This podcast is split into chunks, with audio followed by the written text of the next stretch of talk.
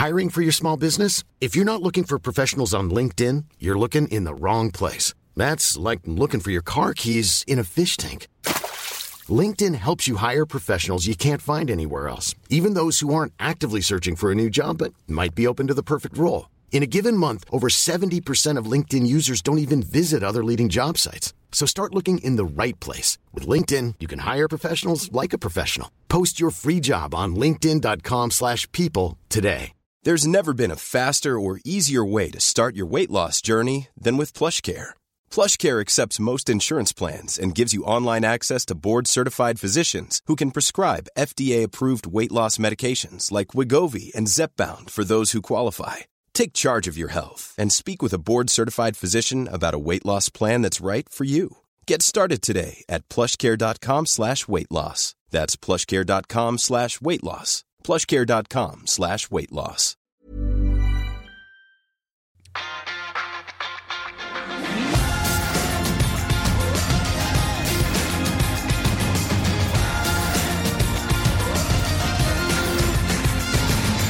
Can't believe it. Football, by the hell.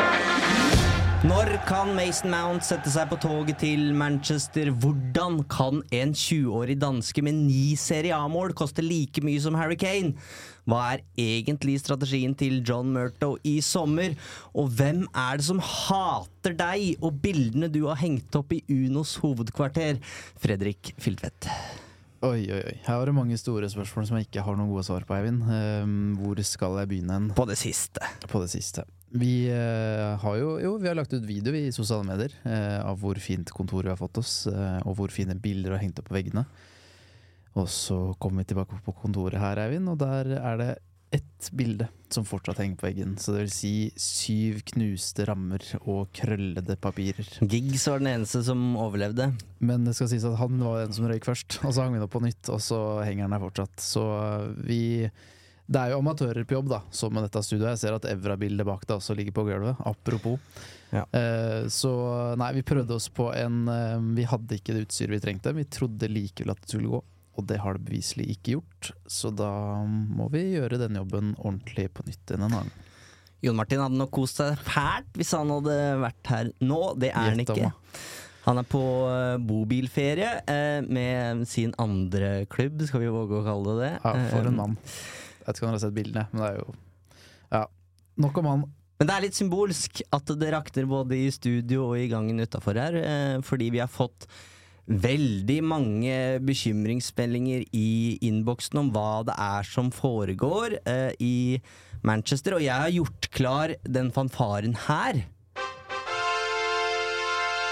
Som vi kan spille av hver gang Manchester United eh, annonserer at nå har vi signert en ny eh, spiller som skal spille med, med rød drakt neste sesong, men den kan vi ikke bruke helt ennå. Nei, og Det høres ut som du har tenkt til å bruke den veldig mange ganger i løpet av sommeren. Jeg er ikke sikker på om du får brukt den så mange ganger. Hvor mange ganger har du sett for deg? Nei, foreløpig så må vi holde oss til den her. Ja, Så du har den klar òg? Ja. ja. Det er fint. Galgenhumor er det eneste måten å håndtere det på, men vi skal vi skal være seriøse i den episoden her, mm. Fredrik. Vi skal ta, oss, ta dere med på, på en reise gjennom eh, ryktebørsen. eh, og ta for oss spiller for spiller, egentlig. eh, fra Mount til Høylin og Onane osv. Vi skal snakke med Andy i midten om hva det egentlig er som skjer. øh, Og vi skal også høre hva som øh, skjer rundt kvinnelaget i, i sommer. Så menyen er lang. Vi lar fanfarene øh, ligge. øh, Og så øh, tror jeg vi bare skal adressere noen av de, av de øh, bekymringsmeldingene som har kommet inn. Vi har fått en fra Runar, blant annet. Hvordan kan vi fortsatt tro på dette prosjektet når Glazers stikker så til de grader kjepper i hjulene? Gi meg håp. Han er ikke aleine eh, om å be om håp. Er dere bekymra for manglende aktivitet fra Uniteds side?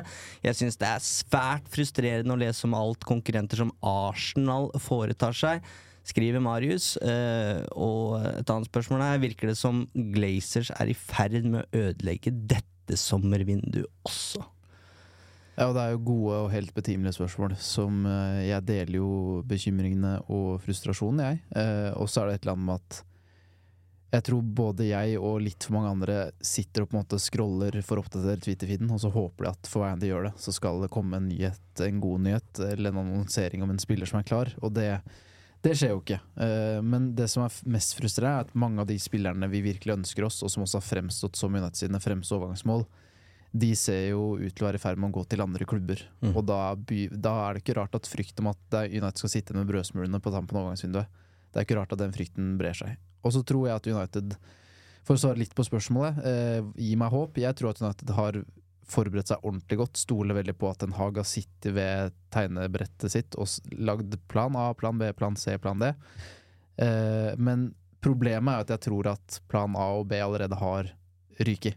Eh, og at den nå ser på alternativ C og D osv. Og, så videre, og så opplever han at de også har fått voldsomme prislapper.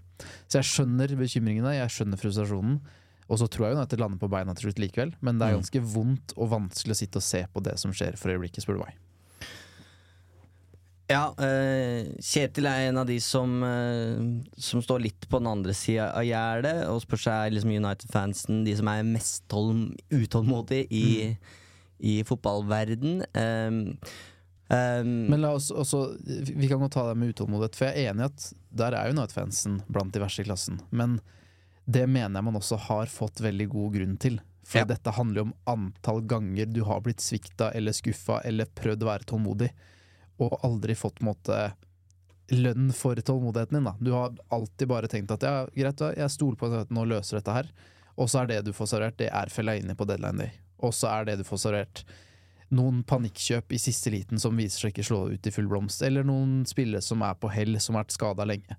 Så det er jo en grunn til at man nå blir utålmodig mye fortere enn man kanskje bør. Eh, og så er det ingen grunn til å trykke panikknappen, men her er det også uklarheten rundt budsjett, det er oppkjøpet som vi fortsatt venter på en avklaring rundt. Så her er det så mange usikkerhetsmomenter, i tillegg til den vanlige skepsisen vi har på bakgrunn av erfaringen vi sitter med. mm. Eh, derfor skjønner jeg veldig godt at folk er utålmodige, og kanskje verst i klassen. Men det er jo en grunn til det. Og så er det Det er jo ikke alt som går på en måte Manchester Uniteds vei. Du kan godt kritisere klubben fordi det er, det er ting som eh, Altså Man visste at det her kom til å bli en, en vanskelig sommer. Hvorfor er man ikke bedre forberedt? Uh, vi har jo fått høre at Erik Den Haag ville ha Harry Kane, og han ville ha Declan Rice. Eh, ingen av de virker å ende opp i Manchester United uh, i sommer, selv om ting kan endre seg fort. Eh, I tillegg så endrer keepersituasjonen. Vi skal ta den mer i detalj etter hvert. Men, men det som virka å være ehm, en sikker eh, løsning eh, ved at Digea skulle få ny kontrakt, den eh, er ikke lenger eh, like sikker. Eh, keepersituasjonen er snudd på hodet, huet. Ehm, og i tillegg så er alt svindyrt. Mm. Ja, og det, dette er jo det er jo et vanvittig puslespill som skal løses, da. Og hvis Ten Hag til, som i utgangspunktet tenkte at den skal løses på denne måten her, vi henter en spiss, og så henter vi en sentral midtbanespiller, og så ser vi deretter hva vi trenger og hva vi har å rutte med. Mens her er ting snudd på hodet, fordi Kane er ikke tilgjengelig, Osemen virker ikke tilgjengelig, kanskje ikke Ramos er det heller. Så blir det sånn, å ja, ehm, kanskje ikke DG eller United ville fortsette samarbeidet lenger likevel. Ja, da er det keeper som er første, første plutselig, da. Mm. Og så går vi for plan C, som kanskje er Høylund, eller plan D er det kanskje det han er. Og så skal de ha 100 millioner pund eller euro for han også. Så ryker det. Så det er jo, det er jo en grunn til at det blir omveltninger og forskjell, eller eh, endringer hele veien her, da. Og det må være vanvittig frustrerende. Vi eh, ringer Andy Mitten vi, for å høre hva som skjer, og hvor frustrert eh, han er. Uh, I just love United. You've been on the podcast a few times now, Andy, and you're currently uh, in Spain, not in, in Manchester, and you need to, we, the, the listeners need to, to get to know you a bit better. So, can you explain why you're sometimes in Spain and sometimes in Manchester? Well, I'm from Manchester. Most of my family are still in Manchester. My wife and children are in Spain. My wife's from from Brazil. So for the last 20 years, I've divided my time between Barcelona and, and Manchester. So I go to about 80, 85 football games per season. So I travel a lot. I'm in Manchester a lot. I go to a lot, all the United pre-season tours, European away games, lots of matches. So it, it sounds unusual, but it's my normal life now. And and two things made it possible back then. was the the budget airlines, the cheap airlines, and the internet. Without either of them, it wouldn't have been possible. But I quite like it. I mean, Barcelona's a great city. It's a big football city, and footballers react differently when they they know you're there. They're more interested. I remember spending a day interviewing Steven Gerrard in Barcelona, and suddenly you can give them something. You're not just asking them; they want to know about you know Barca. What are these players like? And I do write about um, Barca a lot. So Jordi Cruyff, who's about to leave being the club sports director, I interviewed him yesterday. He's not done any interviews since he left Barcelona, so the Spanish press are going to go crazy that he's giving it to me. but you know, if he, he obviously trusts me, doesn't he? So I've done that, and two great cities. Seen a lot of changes. Unfortunately, at Manchester United, I've seen a lot of changes for the worse under the Glazers. But I'm sure we're going to talk about the football side. I think we are, because uh, our DMs are packed with uh, concern, Andy. What is happening? Why aren't United signing anyone? Is the Glazers crushing another transfer window for us? Is it all a bloody mess? Please give us something to, to hold on to, Andy.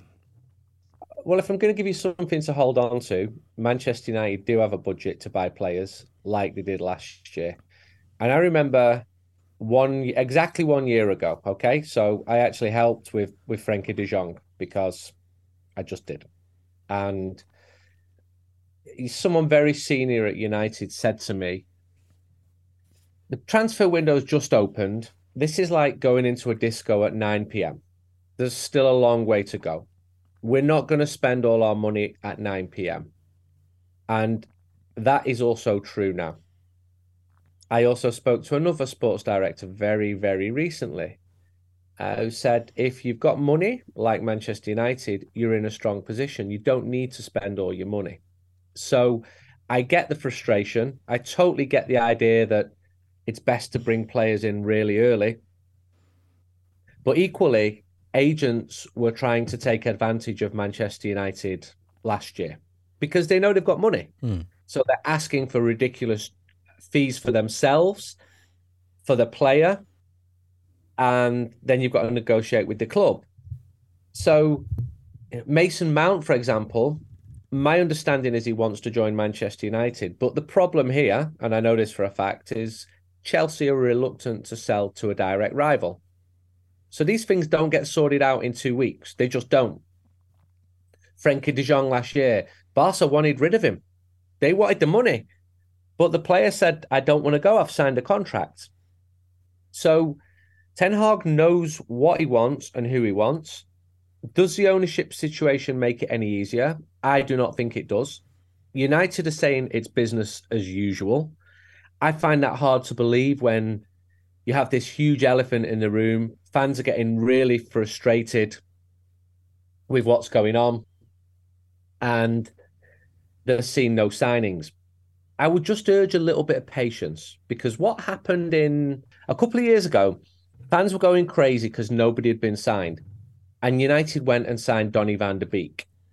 And I remember speaking to someone on the coaching staff a week or so after, and they didn't really know where he was going to play. And I'm like, you've just paid 40 million more or less for a player and you don't know where he's going to play. And it seemed to me that that was a rushed signing because he was available, because he wasn't too expensive, and because he had good statistics. And was that the right thing to do in hindsight? Probably not. So I would trust Eric Ten Hag. I see fans saying buy him, sell him. Why did we only get this for him? Ten Hag knows what he's doing. Equally, if the ownership situation is not sorted out or he doesn't have some assurances, then that becomes a big problem as well. Manchester United cannot go into next season with the same team that finished this season. I spoke to Ten Hag for an hour in December about the need for a striker. We discussed names. Gonzalo Ramos was was one of the names from Benfica. He really likes him. Just because you like something doesn't mean that you're going to get it. So I get the frustration. social media makes this much worse. It's like, give me news now, now, now. But the world doesn't work like that. And it took me seven months before I wrote a piece on Sunday where I said, look, this takeover is taking too long. It's just getting ridiculous now. And there's a lot of frustration in that. But I can't control that. I don't think the Glazers have ever been good. I think they're going to squeeze every last drop they can out of Manchester United. But it doesn't serve them well not to invest for next season. Mm. So I know this is a long answer, but I just think we have to be a, a little bit patient because fans have stopped being patient. You mentioned Mount, you, you mentioned Ramos. Uh, we yeah. did the count in the podcast between January and June. More than 80 players were linked to United. Uh, what names do you reckon to be the front runners in Manchester, uh, the red part that is, uh, at the moment? Well, well, Mount definitely because I've spoke to the people who want to sign him, so I know that for certain, and I've just told you what the situation is there. Uh, Ramos, I spoke to Ten Hag about him, but that was in December. So United will have a plan A, a plan B, a plan C, a plan D. One year ago, nobody was talking about Casemiro, Anthony, Christian Eriksen, Lissandro Martinez. And, you know, the last transfer window was not a bad one. The problem with leaving it late is did United overpay for Anthony? Probably. But it's difficult. A buying club does not control the market. But it's frustrating when you see other clubs seemingly acting much more quickly. But again, I spoke to a very high level sports director who said and, and sometimes it's good to get an outside view. Ten Hag has done the main thing already. He's put the building blocks in place. Manchester United were significantly better last season, and he just needs to add on top of that. So sometimes you can sort of ignore what happened last season. Last season was really encouraging on so many levels. My worry is that the ownership doesn't get sorted out and Ten Hag just has enough. I've had no evidence of the of that happening um, yet, and I, I, I get this frustration on on social media, but I just do think fans have got to calm down hmm. a, a, little bit. You know, everyone wants the Glazers gone. Hmm. Everyone wants new owners. People are divided on who they want. I get that, but Manchester United are not briefing out and saying we've got to sell because we need money.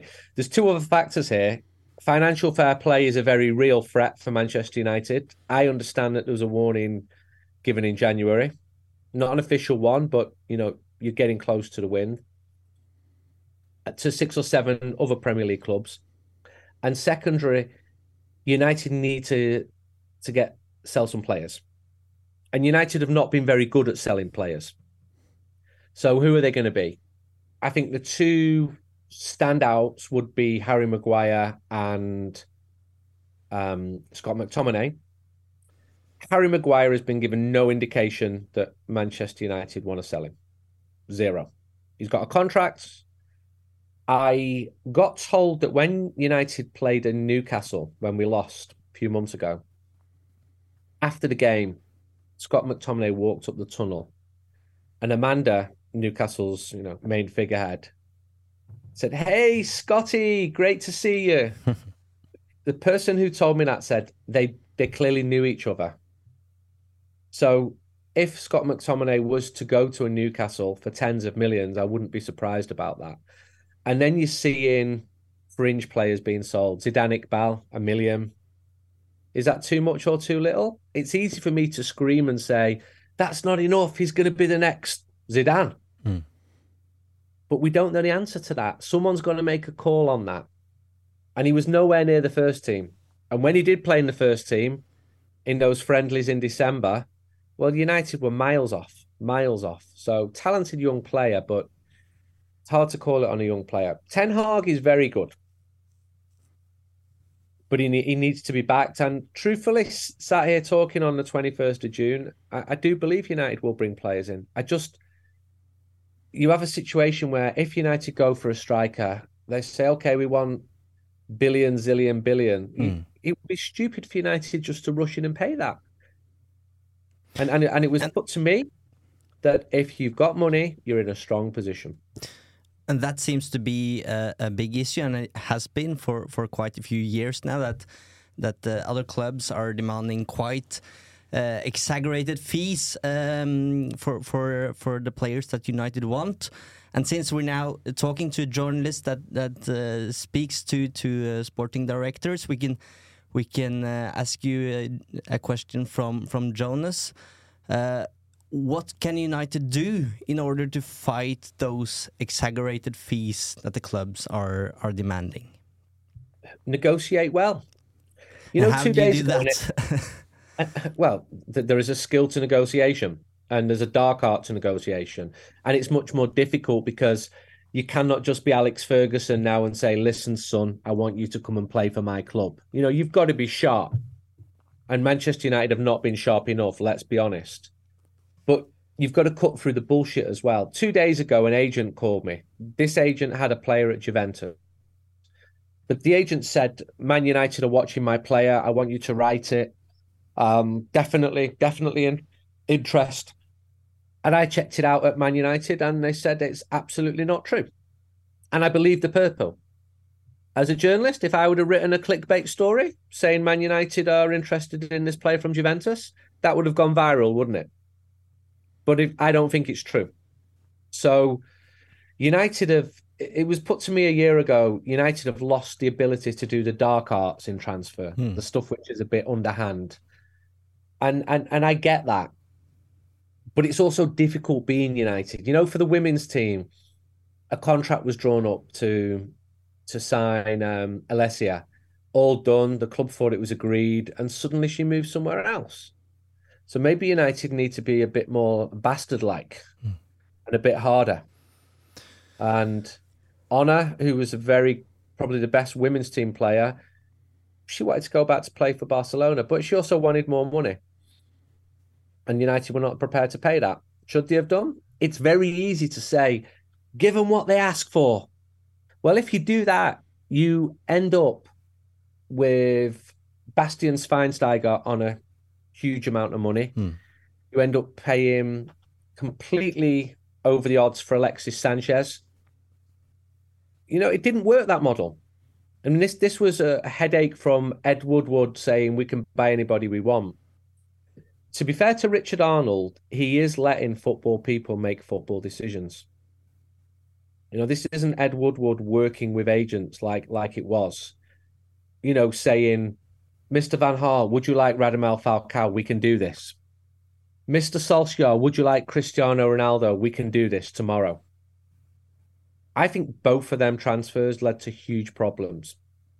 Huge problems. So if Man United are going to do it a little differently, and did it differently last summer. And I don't think Casemiro was a disaster, nor Lisandro Martinez. I actually think Anthony's very talented as a player. I've got doubts about him, you know, in terms of the company he keeps. Malacia, okay, we've seen it, we've seen enough there. Christian Eriksen, would we have taken him on a free? I think, yeah, absolutely. He's a he's a, a good player. So got to put some trust into the manager here. And if you get into the end of the transfer window, players have come in, then mm. that's the time to panic. You know, years ago, Manchester United didn't sign anyone, and at the last minute paid too much money for Marouane Fellaini. That was a complete disaster. We'll uh, we'll let you enjoy the Spanish uh, sun in a moment, Andy. But uh, let's finish off with what perhaps is the biggest story at the moment. Uh, you have written a very interesting piece on the Gea in our magazine. Uh, yeah. What has changed in the last couple of months? Why isn't this situation solved yet? When we, when everyone knew that it it has to be solved. Money, money, money. So that piece that I wrote for your magazine, I spoke to so many people as part of that piece. There's a lot of detail in there that people in the UK do not know. And that might not be what everybody wants to hear. You know, I spoke to several top level goalkeeping coaches, and actually, they were pretty complimentary about David De Gea. And De Gea has become a 50 50 player. I said this in the article 50% of fans want him to, to go. So I think if it's about money, um, maybe Saudi Arabia. Suddenly you've got interest from there. But I said this to somebody in Spain yesterday who knows a lot. And that person said his wife is a Spanish pop star. She needs to be hmm. in Europe. Davide doesn't need any money. You know, it's I- it was put to me, and this was put throughout the piece that I did for you. United are confident that he will sign. Not going to earn as much money as his last contract, which was too much money. And I think Manchester United will buy another goalkeeper to push David De Gea for the number one position because, as I explained in the article in great detail, he hasn't been pushed. And there are certain things that at the time I thought were true, like Sergio Romero is the best number two around. Actually, he wasn't capable of playing every week. Hmm. And David De Gea knew that. So was David De Gea really pushed? The answer is is no. So I, I, I think United will sign a, a goalkeeper. It's a shame Tom Heaton's not a bit younger because he's a great lad. He's a great professional. Uh, Buckland's gone to Rangers. Good luck to him. I think United will sign a goalkeeper. Dean Henderson, unlikely. He fell out with too many people. So yeah, United are looking at goalkeepers. And you think the year will stay as well?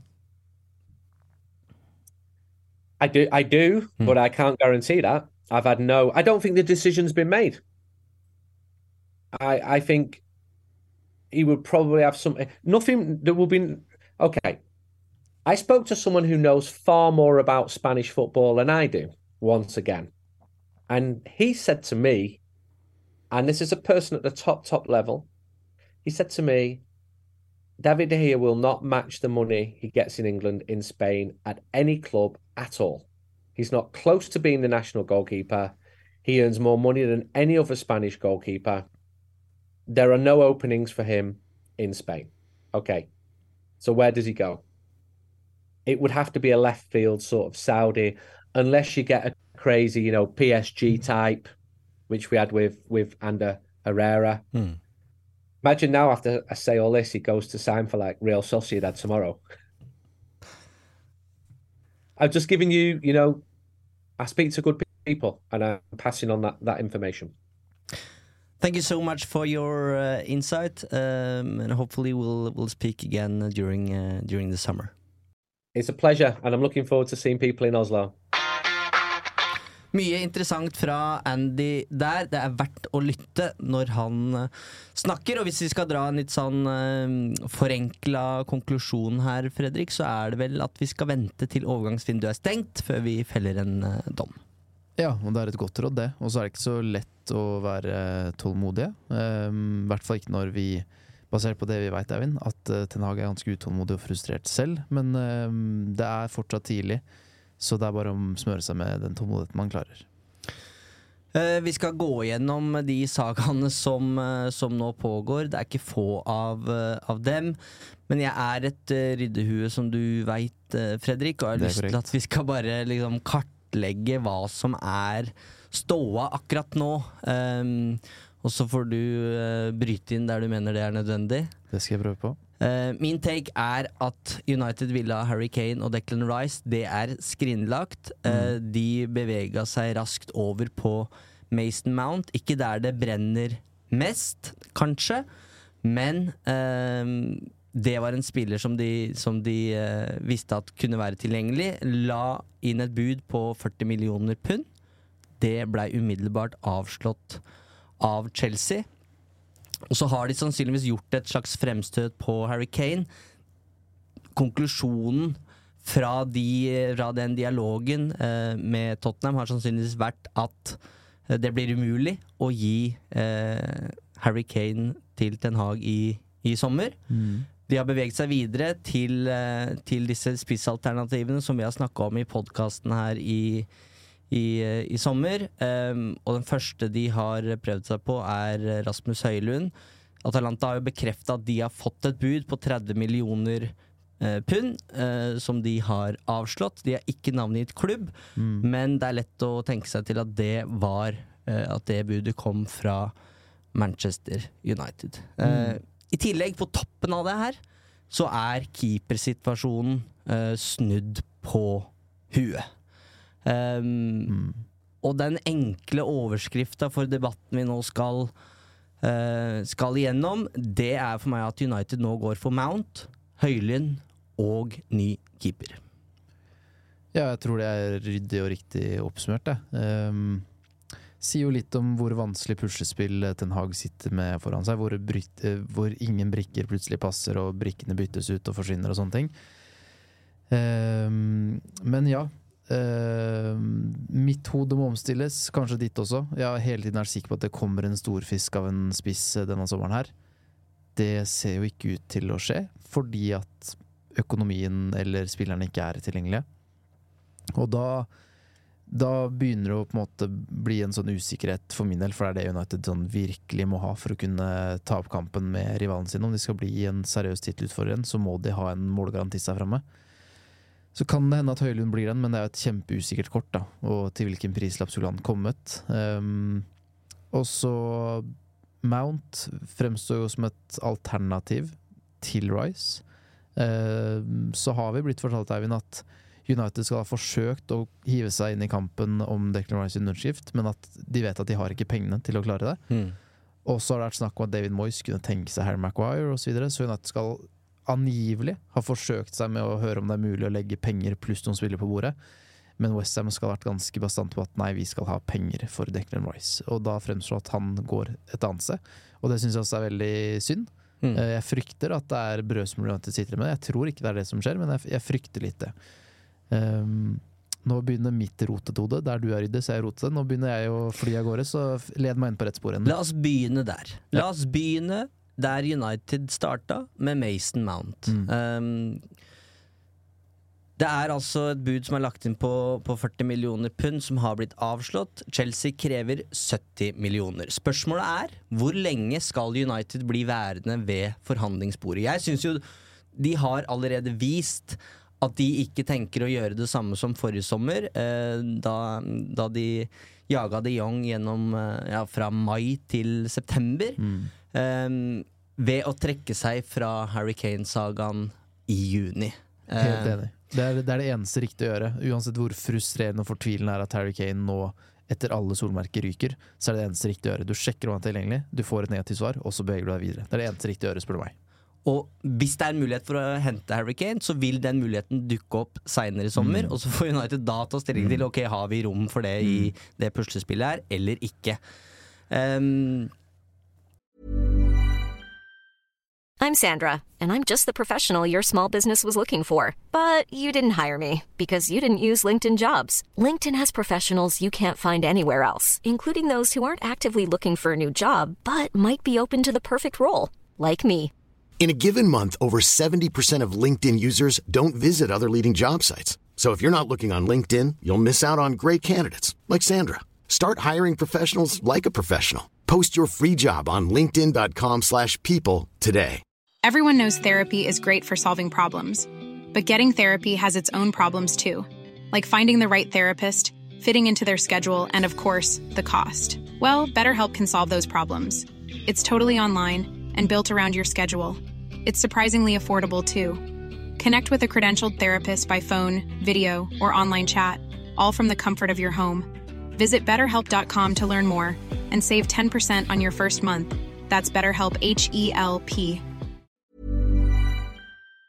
Denne episoden er sponset av Hello Fresh. Nå som det drar seg mot slutten av en lang sesong, trenger vi United-supportere skikkelig næring. Med gode og ferske råvarer fra Norge gjør Hello Fresh det til en lek å lage de herligste retter fra hele verden. Du velger bare hvor mange som skal spise, og hvor mange oppskrifter du ønsker ukentlig. Så får du alle ingrediensene du trenger, levert på døra. Personlig syns jeg det beste med Hello Fresh er at du kan skreddersy din egen ukesmeny. Du kan velge fra fem forskjellige kategorier. Vegetarisk, familievennlig, rask og enkel, fisk og grønnsaker, og smaker fra hele verden. Med 25 fristende oppskrifter hver uke kan du bli like uforutsigbar på kjøkkenet som Garnaccio er på Vingen. Selv må jeg si jeg er spesielt svak for asiatisk taco og den portugisiske kyllingburgeren. Som Uno-lytter kan du få opptil 1779 kroner rabatt på de seks første matkassene dine, og gratis frakt med første leveranse. Så det er bare å komme seg inn på hellofresh.no og bruke koden FreshUnited. Dette gjelder for de som ikke har prøvd HelloFresh ennå, og for de som tidligere har vært kunde, men som har stoppet abonnementet for minst tolv måneder siden. Og spørsmålet er jo nå hvor lenge skal de jage Mount? Uh, altså Chelsea er jo i en situasjon der de ønsker å selge, selge spillere, selv om det virker som Pochettino ønsker å beholde Mount. Uh, men United kan jo ikke gå på en ny smell som, som de gjorde på, på de Jong, med, med Mason Mount den sommeren her.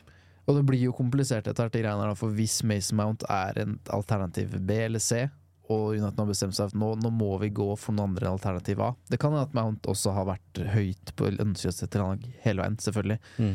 Men jeg ville antatt at Rice sto høyere, da. Men si at han nå United har bestemt for at nå er det han vi må ha. Vi kan ikke gå lavere ned på lista enn det vi har kommet nå. Da er det en vanskelig situasjon, da, fordi at de, de må de, Dette er spilleren de nå vil ha. Eh, Chelsea vil åpenbart ikke selge til en rival, som Andy Midten er inne på.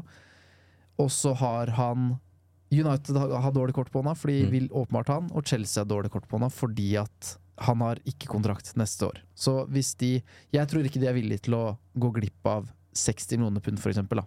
Så jeg tror det er mulig å møtes på halvveien her. Jeg tror det er harde forhandlinger fordi de vet at vi vil ikke selge en rival, og fans vår vil ikke godta at vi selger den med mindre vi får en ordentlig sum for han. Så jeg tipper de kommer til enighet, men at United må litt opp, og Chelsea må litt ned. For hvis, men jeg, jeg synes at 55? 55-60. Jeg kan se for meg at den rett sted er at de får Mason Mount. Eh, men hvis United får- forlater forhandlingsbordet og sier at vet du hva, da gidder ikke vi hente en gratis neste sommer, da, da kan jeg se for meg det kommer en desperat telefon etter hvert fra Stanford som sier at det er greit at dere får den for 55 eller 60. Mm. Så kommer de til enighet. Det er sånn jeg ser for meg.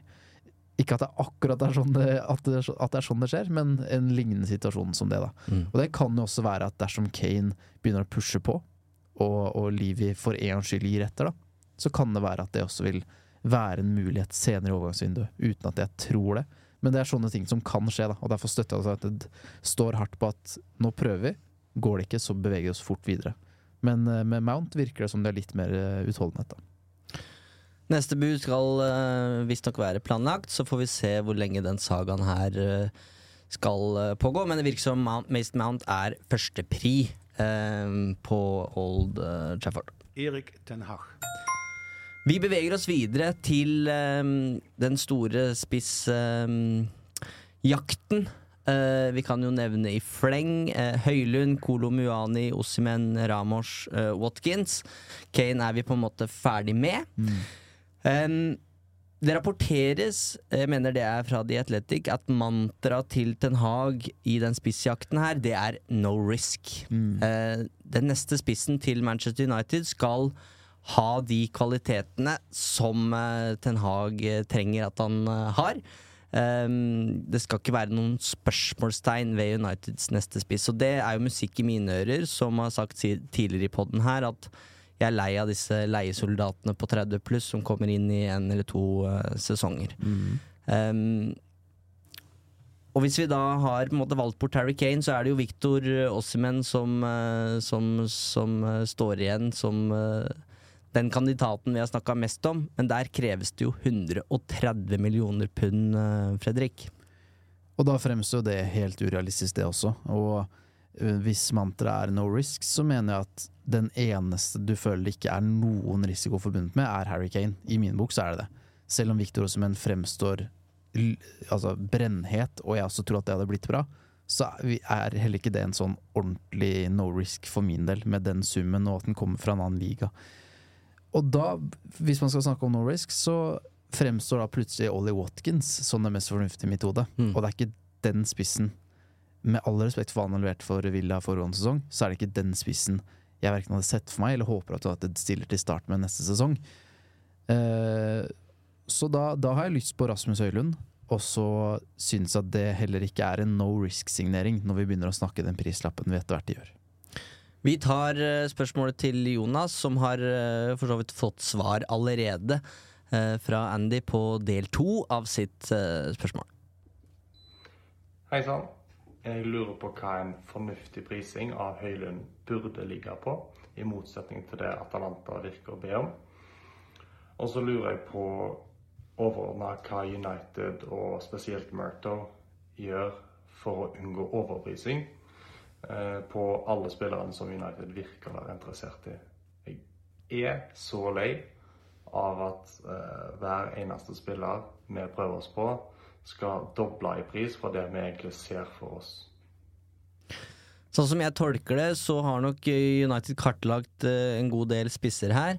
Men det er Rasmus Høylund de nå jobber eh, mest konkret med. Eh, det er jo altså da avslått et bud på, på 30 millioner eh, pund.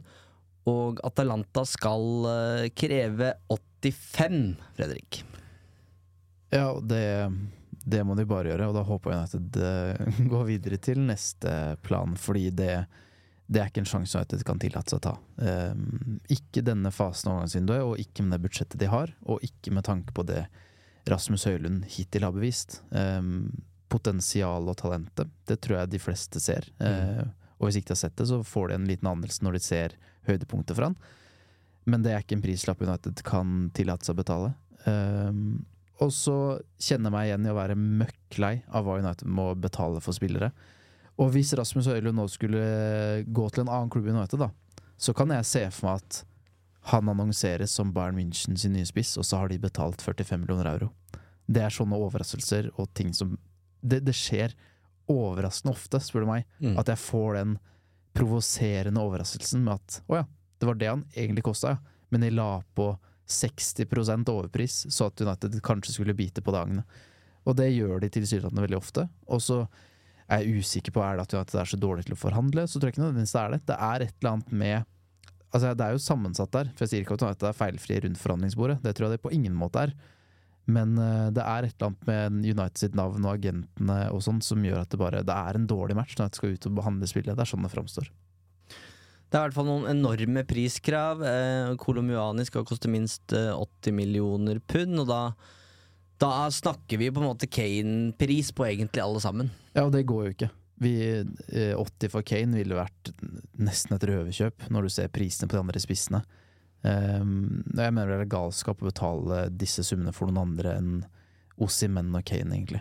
Ja, og La oss gå til Atalanta Høylund, da, som United har United har handla med Atalanta før. De har henta Amad Diallo derfra for det som jeg tror ble en totalpakke på mellom 30 og 40 millioner euro. Og han hadde på det tidspunktet ikke bevist noen ting. Knapt spilt førstelagsfotball. Så sånn sett så skjønner man jo at prisen på en dansk landslagsspiller som faktisk spiller i Serie A, koster mye mer enn det. Men det er en hårfin balansegang her, hvor det ene blir altfor dyrt, og det andre blir ja, det er dette du må betale for et stort talent ute i Europa. Og hvor den grensa eller linja går, det vet jeg ikke, men men jeg kjenner at skal United punge ut 60 millioner pund for Rasmus Høylund, så er ikke jeg komfortabel med det. Men det er kanskje det det koster. Hva, hvor ligger pristaket for deg der, Eivind? Jeg tror de har sett på eh, Rasmus Høylund som, eh, som, en halv eh, Harry Kane. Mm. Rundt 50 millioner pund. Mm. Det er det her som gjør det puslespillet så ekstremt vanskelig. Eh, og det er så små marginer her. Det er, og ekstremt mange variabler. Mm. Og vi kan ramse opp, fordi det er det her jeg mener er kjernen til frustrasjonen. da. Det er, det er dette vi må rette frustrasjonen vår inn mot, ikke mot John Murton nødvendigvis akkurat nå. Uh, men Manchester United er i en oppkjøpsprosess. Det er nok satt av 120 millioner pund her til kjøp i sommer, uansett hvem som er eier når Premier League-sesongen sparkes i gang mm. i august men det er en eks... Altså eh, Alt tyder jo på at eh, all kommunikasjon med Florida her, det går like sakte som det alltid har gjort. Og det skal ha mye av skylda for at United har, har eh, gått gjennom noen lange eh, og vonde transfersagaer de siste åra. Hvert eneste steg i prosessen skal godkjennes av Glazers. Det er også tilfellet i sommer, og jeg tror ikke de de har ikke noen grunn til å være raskere på avtrekkeren eh, i sommer. Tvert imot. Mm. For, dere, for, for, deres del så, så, må jo det bare dra ut så lenge som, som mulig, hvis de eh, uansett tenker å, å selge klubben. Mm. Og så kan vi snakke om det, den potten på 120 millioner pund, som jeg tipper er omtrent halvparten av det Ten Hag trenger. Um, og da må du begynne å selge spillere, og som, som Andy var inne på, det er jo ikke Uniteds sterkeste side. um, og det er spillere som sitter på, på høy lønn der, som nødvendigvis ikke ønsker å flytte på seg, osv. Og da kan vi dra inn Digea i, i, i den røra der. Eh, skal han dra, eller skal han bli? Det er en enorm lønnspost som, som eh, det må ta høyde for. Um, og da begynner det å bli mange, og det er derfor jeg tror de har begynt med Mason Mount. Fordi det virka som en sånn sikker Ok, vi skal ha inn en midtbanespiller. Det blir ikke Rice, han blir for dyr, så vi er nødt til å gå på en halv Declan Rice. Det er Mason Mount. Og så er Chelsea mye tøffere i de forhandlingene enn de, det de kanskje hadde forventa. At de kanskje trodde at her er det 50 millioner pund, og den, den går greit i boks. Og nå opplever de på en måte det samme med spissene, tror jeg. Um, jeg tror i hvert fall at kravet er såpass høyt, det er kanskje ikke så overraskende, men, men det drar ut fordi klubbene veit at Manchester United skal ha en ny spiss i sommer. Og det er det, det er det som gjør det så ekstremt vrient, da, og gjør at United ikke kan hva skal jeg si, trykke på kjøp-knappen akkurat nå, fordi det er altfor mange baller i lufta som ikke er landa helt ennå. Mm. Og vi har blitt fortalt Eivind, at uh, Ten Hag absolutt ønsker seg en ny keeper, men har fremstått så lenge som at det er en prioritet som er mye lenger ned på lista enn de andre behovene. Mens nå beveger det seg mer og mer og tyder mer og mer på at å ja, vi får ikke den storkanonen på topp som koster 100 millioner, 100 millioner pund, så kanskje vi da får råd til Høylund og en ny keeper, da. Og Mount. Og så er ikke det det ideelle vinduet til Ten Hag, men det virker som det er noe han kan leve med. Men da må de, da må de levere i hvert fall det, da. At de får inn Høylund, Mount og en keeper som er ny førstekeeper. Men ja, dette er er så frustrerende å prate om. Det kan godt hende at det går i boks. Det kan godt hende at det her løser seg til slutt.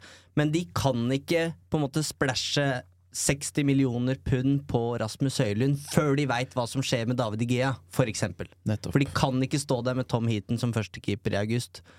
Um, og det blir sånn høna eller egget, det her, fordi ingenting blir løst. Ehm, og for meg så er nøkkelen nå Digea. Det er nøkkelen til Manchester Uniteds over overgangsvindu. Det trodde jeg ikke i mai. Jeg trodde det var løst. Alt tyda på at han kommer til å bli værende. Men det har endra seg, og det er et kjempeproblem.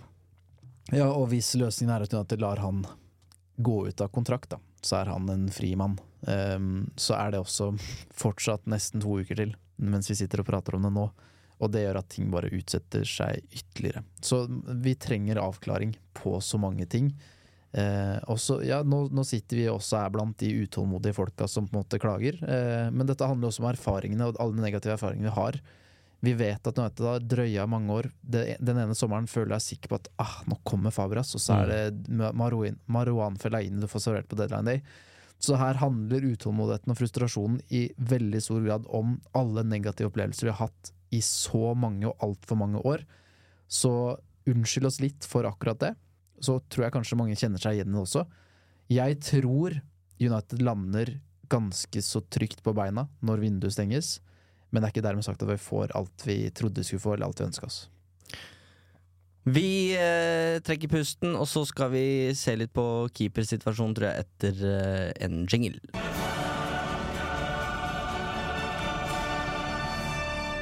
Hjalp den eh, på humøret, eller? Den gjorde det. Nå begynte jeg å se for meg en god god sistesans i mål som hjelper oss langt i Champions League. Men hvem? Eh, fordi, eh, som sagt, eh, mye tyda på at Digea skulle bli. Det har endra seg. Digea skal være i tenkeboksen. Det gjør at United er nødt til å se på andre løsninger. Um, og ser ikke nødvendigvis nå bare etter en utfordrer til Digea, men en ny førstekeeper. Uh, og dermed så kan vi ønske André Onana velkommen til podkasten. Ja, vi eh, ønsker han velkommen til ryktebørsen, i hvert fall. Ingen tvil om det. Eh, Men for meg er dette litt sånn komisk, fordi det er ingen tvil om at eh, Onana er en god keeper. Men det, det blir også sånn at så fort man ser en keeper som er god med beina, så blir det sånn Han skal vi ha. Og så enkelt er det jo ikke. Ehm, men det viste jo også Han viste jo noen ferdigheter. Jeg tror veldig mange så Champions League-finalen, selv om de ikke hadde så lyst til det. Og han viste jo hvor, hvor godt det er med en keeper, da, som er en god fotballspiller eh, med beina. Uh, så jeg sier ikke at det er en dum idé i det hele tatt, men at jeg kjenner ikke godt nok til styrkene på streken. Fordi man, må, man skal erstatte en god skuddstopper. Man kan ikke bare hente en keeper som er god med beina. Så her trenger man hele pakka, og det er jo den jeg mener at DG har mangla. For det har ikke stått noe i veien med hans skuddstopperferdigheter, men han har mangla det andre. Så her må man erstatte det med en hel pakke, og jeg vet ikke om han har den. Men hvis Ten Hag mener at Onana har det, så har jeg full tillit til De har spilt sammen, kjenner hverandre godt. Så han fremstår som en god og het kandidat, og så er han nok ikke førstevalget mitt likevel. Men det var vanskelig ikke la seg friste litt, selv om det er fort å bli revet med når du ser en keeper som er god med ballen i beina. Det var jo noen bilder fra um, Champions League-finalen der du ser at Onana ligger foran midtstopperne sine. Mm. Eh, har ballen i beina foran midtstopperne. Um, og det løser jo en del, med tanke på de utfordringene som Digea har. Han mm. blir en ekstra utespiller som i mm. langt større grad setter i gang angrep mm. eh, når han distribuerer eh, ballen bakfra, eller nesten da som en defensiv eh, midtbanespiller. Mm. Eh, de kjenner hverandre jo godt fra tiden i Ajax, og så har ikke det vært heller, helt pro problemfritt heller. Han var jo suspendert i ni måneder pga. En uh, positiv dopingkontroll, uh, så er det en egen saga som vi får ta hvis han uh, signerer etter mm. hvert. Men jeg mener også at den blei benka av Ten Hag eh, i en periode hvor, hvor, det kom fram at han ikke ville signere ny kontrakt. Mm. Og under VM nå nylig så ble han vel også kasta ut av landslagstroppen for noe krangling med treneren. Så det er jo en pakke her òg, da. Mm. Og så tenker jeg at om relasjonen dems er god og trygg, så spiller ikke det så stor rolle. Men, men det er jo noen potensielle red flags, som de kaller det, da. Ja. Men eh, hvis Ten Hag ønsker Onana, så er det nok ingen som er bedre enn han til å bedømme det. Enig. Og så tror jeg at hvis det er Onana som kommer, så er det fordi Diogo Costa blir for dyr. Ja. Han har United speida intenst på og fulgt med på veldig lenge. Så for min del så fremstår han som den åpenbare førstekandidaten hvis United skal ut og på en måte finne den keeperen. Men at Onana er det beste og nærmeste du kommer til en budsjettløsning. Og så ser vi også der at plan B eventuelt er svindyr. Mm. Eh, og så er det heldigvis snakk om at eh, Porto potensielt trenger penger ganske fort, og da kan det være at United potensielt kan få Diogo Costa for lavere enn det utkjøpsklausulen hans er. Og i så fall vil jeg tro at prislappen på Onana og Diogo Costa er ganske like. Dette blir bare spekulasjoner. Men jeg vil heller ha portugiseren enn vil ha Onana. Og nå fikk vi jo balanseleken i praksis her. Mm. Dette er jo sånn Manchester United er nødt til å tenke, fordi de har ikke et budsjett på 300 millioner pund, der mm. de bare kan aktivere utkjøpsklausulen til Costa på 65 millioner, eh, millioner pund. Det har de på en måte ikke råd til i sitt regnestykke, i sitt budsjett. De håpa vel på å få han for rundt 50, ifølge, ifølge rapportene. Det virker usannsynlig. Beveger seg videre til Onana. Hva er kravet der? 70 millioner. Mm, ikke sant. Og United er foreløpig heller ikke i den situasjonen at de bare kan shippe avdanka spillere til Saudi-Arabia, sånn som en viss konkurrent gjør. Eh, så ja, det er bare Uansett hva vi prater om, eller hvilken spiller eller posisjon vi prater om, så, så havner vi til dette puslespillet som rett og slett ikke går helt opp akkurat nå. Raja kobla til Tottenham, men de eh, er vel ikke sånn veldig eh, gira på å betale 40 millioner pund for han, eh, så han har eh, enn så lenge ikke helt uaktuell for Manchester United, vil jeg tro. Eh, Ferbruggen virker å være på vei til Brighton, og Jordan Pickford virker eh, lite sannsynlig, vil jeg si, ifølge det takk som har Takk Gud for det. Pickford skal vi ikke ha. Nei takk. Men hvem, eh, hva håper studio på med tanke på keeperen, spør Fredrik. Jeg har vel egentlig besvart allerede eh, at det er Costa som er førstevalget mitt. Og så fremstår Onana som en god, eh, god nummer to. Eh, Raja ha, liker jeg godt, men jeg tror også at man lar seg veldig blende da, av mm. fotarbeidet. At han ikke nødvendigvis er så Eller jeg, jeg, jeg, skal ikke skryte på at jeg ser Brentford hver uke, uh, så jeg, jeg, har noen spørsmålstegn knytta til Er han bedre enn DG på strek, eller like god? Vet ikke. Er han bedre enn beina? Ja. Men igjen, vi må erstatte hele Vi må, vi må erstatte det DG var god på, og få ekstraproduktene i tillegg. Uh, vi skal til noe uh, Det er ikke bare dårlige nyheter, så vi skal til en gladnyhet. Men først så skal vi høre hva Håkon Aaberge i United.no-redaksjonen har å si om eh, kvinnelagets sommer. Eh, de har eh, altså mista to av sine viktigste brikker i Alessia Russo og Ona Batje. Eh, Håkon dekker kvinnelaget tett, eh, så her er det verdt å lytte. Når det gjelder Una Badje, så har det vært forventa i mange år at hun skulle reise tilbake til Barcelona på et eller annet tidspunkt. Det er favorittklubben hennes, hun er fra området, og de er det beste laget i Europa akkurat nå. Det er altså ikke så merkelig at det skjer, uavhengig av timing. United henta inn den canadiske høyrebacken Jade Riviere i januar, og det blir interessant å se om hun blir en god erstatter, men en fullgod erstatter skal det uansett mye tid for at hun skal kunne være. For det er ikke lett å matche de ni målgivende pasningene Badje hadde på 19 liakamper i 22-23-sesongen. Lønnsforhandlingene med Badje virka å ha vært prega av at United var litt trege, litt som jeg har opplevd rundt herrelaget òg. Men jeg mistenker at det uansett til slutt ville endt med at hun reiste til Barcelona. Når det gjelder Russo, så blir det fra spillersida òg beskrevet at ting har tatt litt tid, og at United først matcha Arsenal sitt kontraktstilbud etter at det allerede var for seint. I april fikk jeg høre en litt annen versjon fra klubbsida og forhandlingene. Og Der ble det sagt at det kom nye lønnskrav i retur for hver gang United hadde gått med på det forrige kravet fra Russo sine representanter. Det gjorde at de på det tidspunktet hadde mer tro på at de kunne overbevise Bajo om å bli en Russo. Men eh, til slutt endte det jo da altså med at begge reiste. Det er ikke optimalt, men i utgangspunktet bør Russo være enklere å erstatte enn Baggio av angrepsspillere, så blir United bl.a. kobla til den brasilianske landslagsspissen Kerolin. Men litt av problemet der skal være at hun helst vil bli værende i den amerikanske ligaen ut sesongen. Og i så fall får jo ikke United tak i henne før i januar. Ellers så skal 17 år gamle Emma Watson, ikke skuespilleren, eh, være på vei. Hun har allerede debutert for det skotske landslaget og har skåra to landslagsmål på to kamper. Så det er en eh, lovende angrepsspiller hvis det blir sånn at United får tak i henne, som så det har blitt meldt tidligere. Angående Russo, så er det lett å tenke at det å gå til Arsenal er et steg ned, siden de havna på plassen bak United og var ni poeng bak. Men eh, for å nyansere akkurat det litt, så skal det sies at Arsenal var jo nede ved å havne i Champions League-finalen nå i vår, og at de hadde helt enorme skadeproblemer på nøkkelspillere denne sesongen. De har vært et stabilt topplag i mange år nå, så jeg tror ikke at Russo spiller på et dårligere lag enn United neste sesong. Russo må nok uansett forvente å bli litt bua på når hun møter United, noe som aldri kommer til å skje med Una Baggio om hun kommer tilbake med Barcelona. Sånn blir det jo gjerne når en velger å signere for en rival.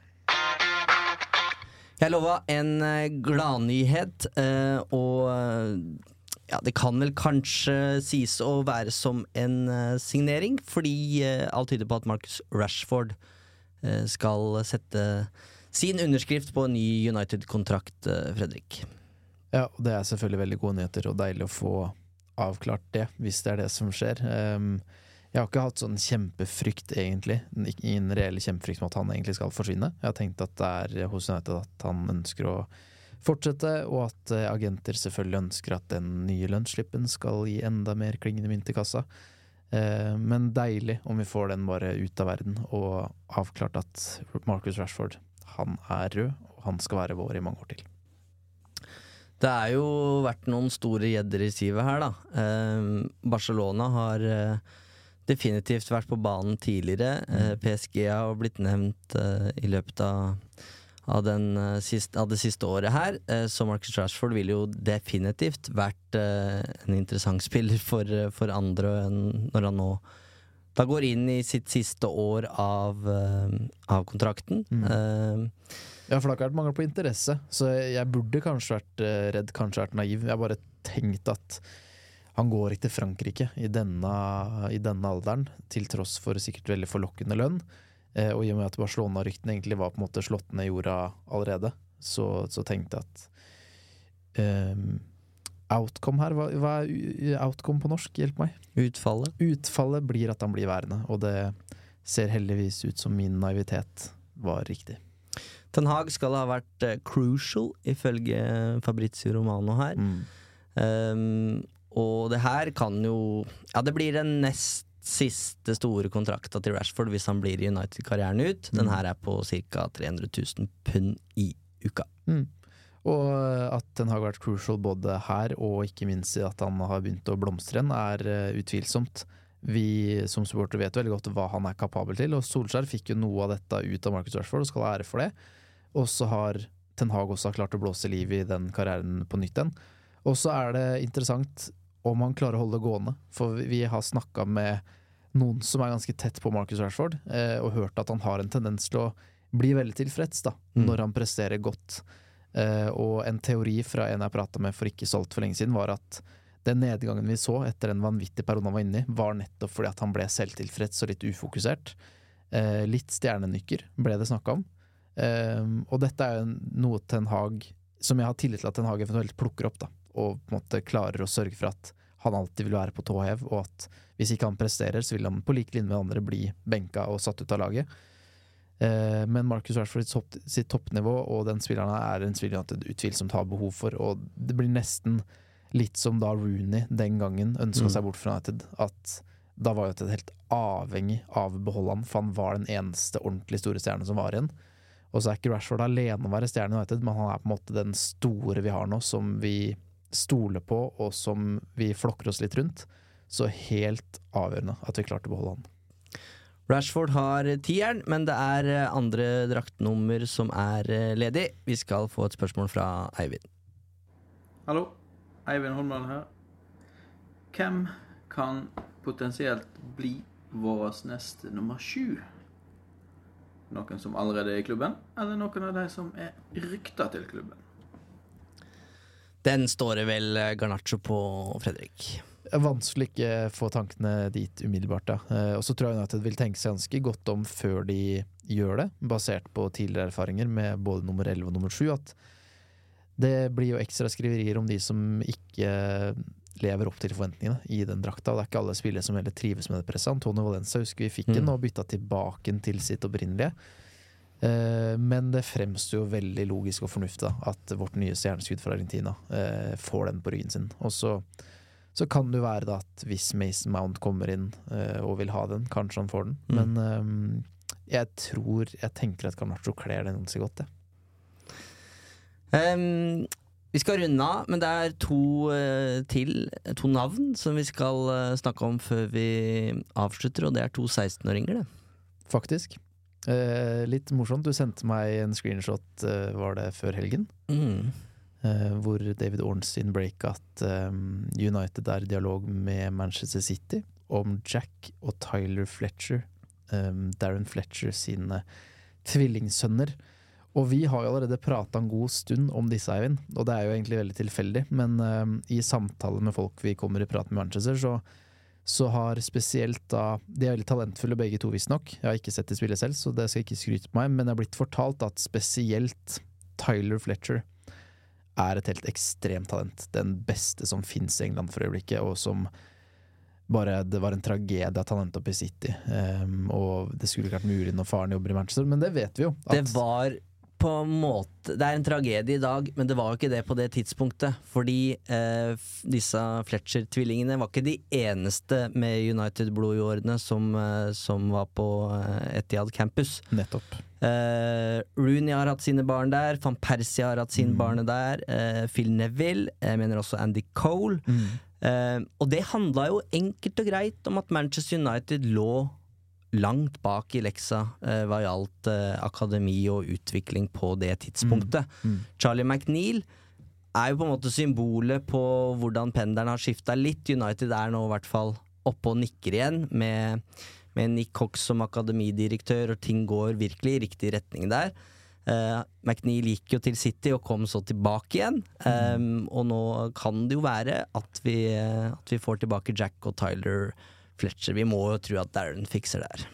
Ja, og jeg spurte senest i mai, når vi var på Wolverhampton-kampen, så spurte jeg men, men hvorfor, hvorfor fikser de ikke bare dette? Er det ikke bare å ta med sønnene sine over til United? Eh, og da var det jo nettopp hvor store talenter, i hvert fall han ene, og, og, ikke minst begge to gutta er, da, som gjør at dette ville vært mye mer komplisert enn å bare ta det med seg. Da ville det vært snakk om store penger i spill, sa vedkommende. Eh, at City potensielt kunne tilby proffkontrakter for å holde de hos seg.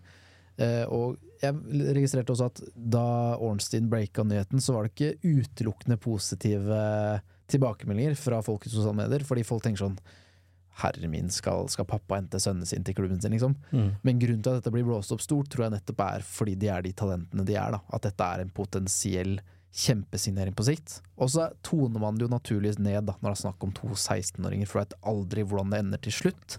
Selv om utgangspunktet er vanvittig bra og talentet er stort, så vet du aldri om han som 20-åring driver med noe helt annet, jobber i en siviljobb. Du aner ikke. Men det er nok en grunn til at den at det var et lite skup for Ornstein at United potensielt plukker opp disse Fletchers sønnene. Og det, det, tror jeg vi i så fall skal være glad for hvis det skjer.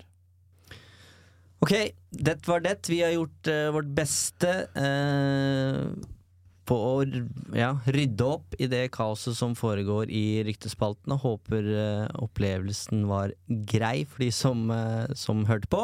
Siden det allerede har vært litt rotete, så avbryter jeg deg igjen. Jeg kan jo avslutte med å si da, at de, Jack og Tyler selv, skal være lystne på overgangen til United.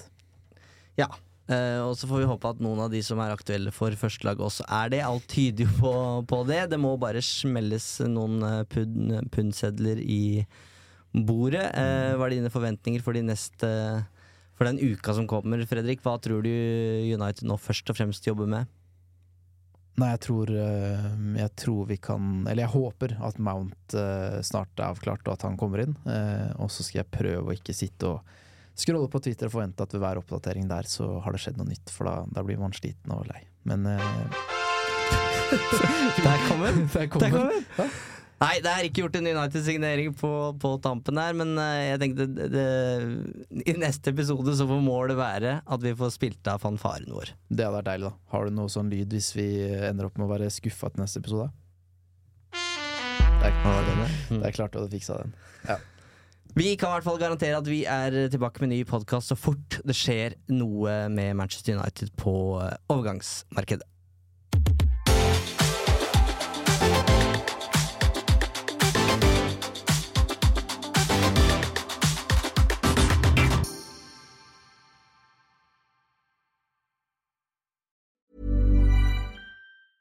Even when we're on a budget, we still deserve nice things. Quince is a place to scoop up stunning high-end goods for 50 to 80% less than similar brands. They have buttery soft cashmere sweaters starting at $50, luxurious Italian leather bags, and so much more. Plus, Quince only works with factories that use safe, ethical, and responsible manufacturing. Get the high-end goods you'll love without the high price tag with Quince. Go to quince.com/style for free shipping and 365-day returns. Mom deserves the best, and there's no better place to shop for Mother's Day than Whole Foods Market. They're your destination for unbeatable savings, from premium gifts to show-stopping flowers and irresistible desserts. Start by saving 33% with Prime on all body care and candles. Then get a 15-stem bunch of tulips for just $9.99 each with Prime. Round out Mom's menu with festive rosé, irresistible berry chantilly cake, and more special treats. Come celebrate Mother's Day at Whole Foods Market.